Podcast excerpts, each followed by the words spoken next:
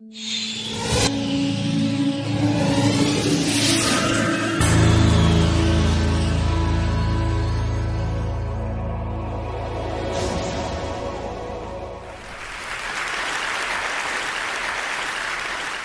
here today to talk about a disturbing question, which has an equally disturbing answer. My topic is the secrets of domestic violence. And the question I'm going to tackle is the one question everyone always asks Why does she stay? Why would anyone stay with a man who beats her? I'm not a psychiatrist, a social worker, or an expert in domestic violence. I'm just one woman with a story to tell. I was 22.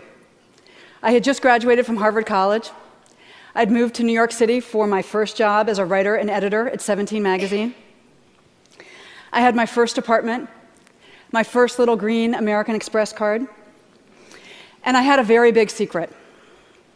My secret was that I had this gun loaded with hollow point bullets pointed at my head by the man who I thought was my soulmate many, many times.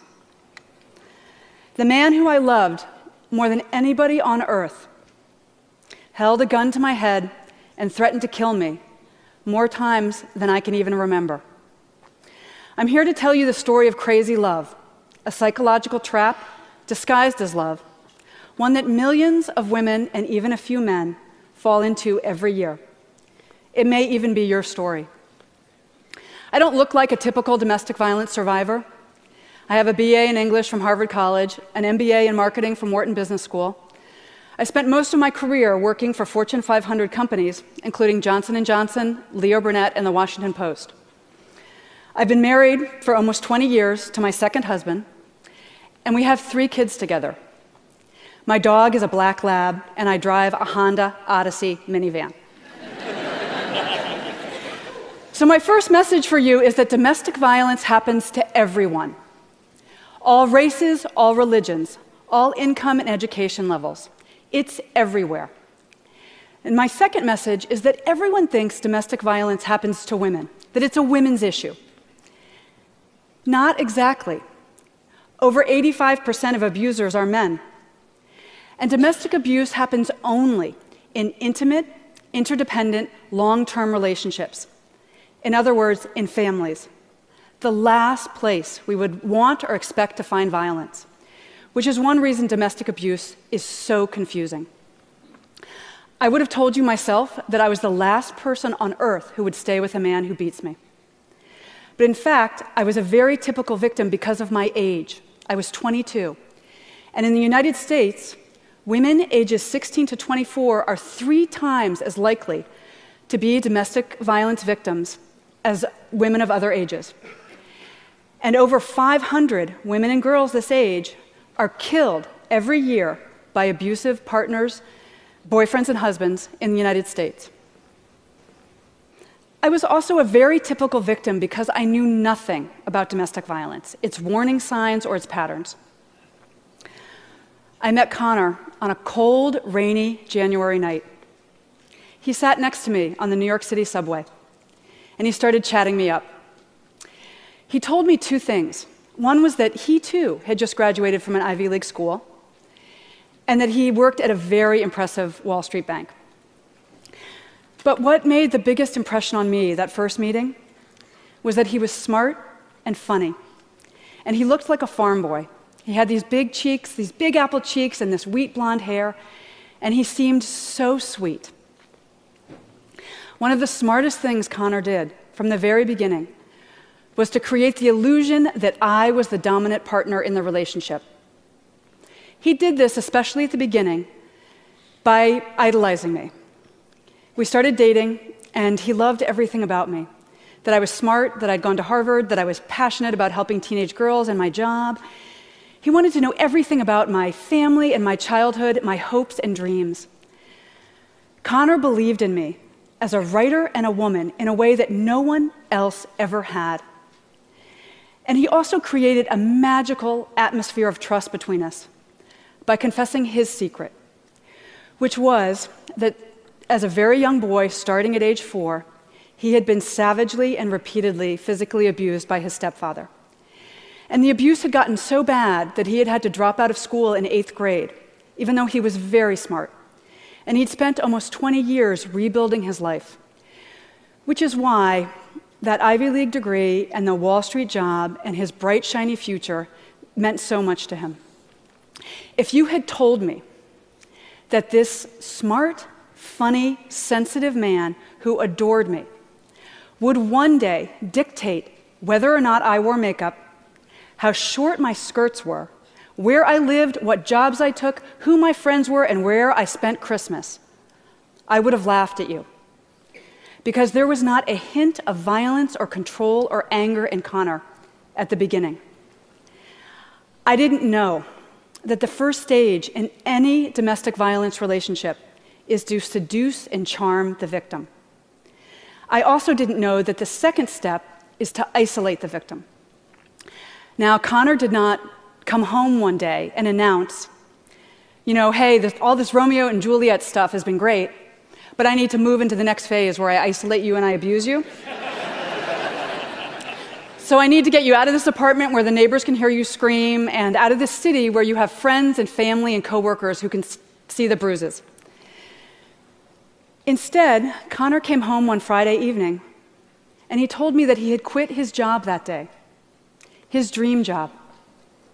And he said that he had quit his job because of me, because I had made him feel so safe and loved that he didn't need to prove himself on Wall Street anymore and he just wanted to get out of the city and away from his abusive, dysfunctional family and move to a tiny town in New England where he could start his life over with me by his side. Now, the last thing I wanted to do was leave New York and my, my dream job. But I thought you made sacrifices for your soulmate. So I agreed, and I quit my job, and Connor and I left Manhattan together. I had no idea I was falling into crazy love, that I was walking headfirst into a carefully laid physical, financial, and psychological trap. The next step in the domestic violence pattern is to introduce the threat of violence and see how she reacts. And here's where those guns come in. As soon as we moved to New England, you know that place where Connor was supposed to feel so safe? He bought three guns. He kept one in the glove compartment of our car.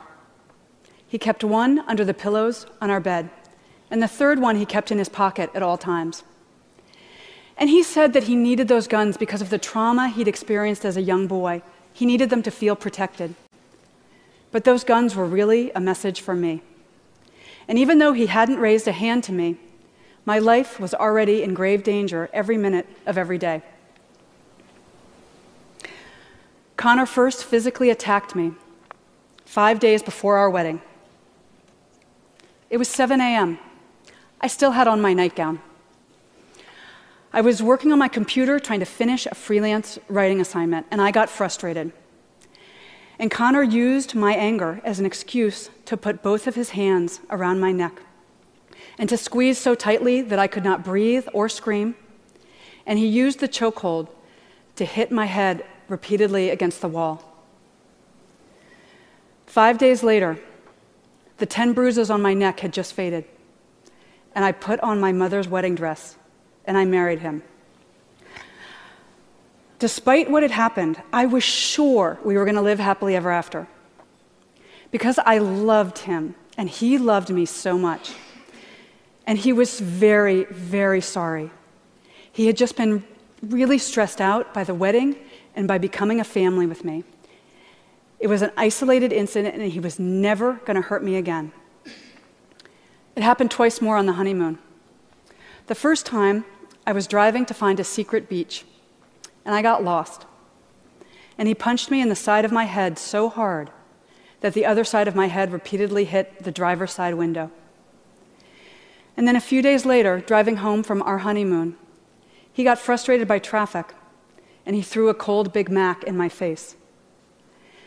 Connor proceeded to beat me once or twice a week for the next two and a half years of our marriage. I was mistaken in thinking that I was unique and alone in this situation. One in three American women experiences domestic violence or stalking at some point in her life. And the CDC reports that 15 million children are abused every year. 15 million.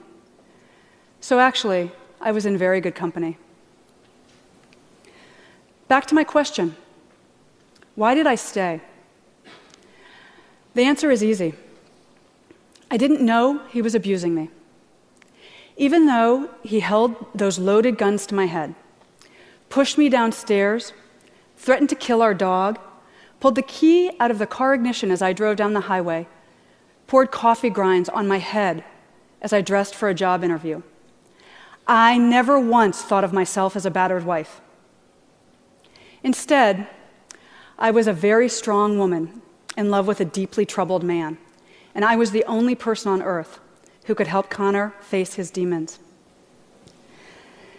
The other question everybody asks is why doesn't she just leave? Why didn't I walk out? I could have left any time. To me, this is the saddest and most painful question that people ask. Because we victims know something you usually don't. It's incredibly dangerous to leave an abuser. Because the final step in the domestic violence pattern is kill her. Over 70% of domestic violence murders happen after the victim has ended the relationship, after she's gotten out, because then the abuser has nothing left to lose. Other outcomes include long term stalking, even after the abuser remarries, denial of financial resources, and manipulation of the family court system to terrify the victim and her children, who are regularly forced by family court judges to spend unsupervised time with the man who beat their mother. And still we ask, why doesn't she just leave? I was able to leave because of one final sadistic beating that broke through my denial. I realized that the man who I loved so much was going to kill me if I let him. So I broke the silence. I told everyone the police, my neighbors, my friends and family, total strangers. And I'm here today because you all helped me. We tend to stereotype victims as grisly headlines, self destructive women, damaged goods. The question, why does she stay, is code for some people for it's her fault for staying. As if victims intentionally choose to fall in love with men intent upon destroying us. But since publishing Crazy Love, I have heard hundreds of stories from men and women who also got out, who learned an invaluable life lesson from what happened, and who rebuilt lives, joyous, happy lives, as employees, wives, and mothers, lives completely free of violence. Like me. Because it turns out that I'm actually a very typical domestic violence victim and a typical domestic violence survivor. I remarried a kind and gentle man we have those three kids. I have that black lab, and I have that minivan. What I will never have again, ever, is a loaded gun held to my head by someone who says that he loves me. Now, right now, maybe you're thinking, wow, this is fascinating. Or, wow, how stupid was she? But this whole time, I've actually been talking about you. I promise you, there are several people listening to me right now who are currently being abused, or who were abused as children, or who are abusers themselves. Abuse could be affecting your daughter, your sister, your best friend right now. I was able to end my own crazy love story by breaking the silence. I'm still breaking the silence today. It's my way of helping other victims. And it's my final request of you. Talk about what you heard here. Abuse thrives only in silence. You have the power to end domestic violence simply by shining a spotlight on it. We victims need everyone. We need every one of you to understand the secrets of domestic violence. Show abuse the light of day by talking about it with your children, your coworkers, your friends and family. Recast survivors as wonderful, lovable people with full futures. Recognize the early signs of violence and conscientiously intervene, de escalate it, show victims a safe way out. Together, we can make our beds, our dinner tables, and our families the safe and peaceful oases they should be. Thank you.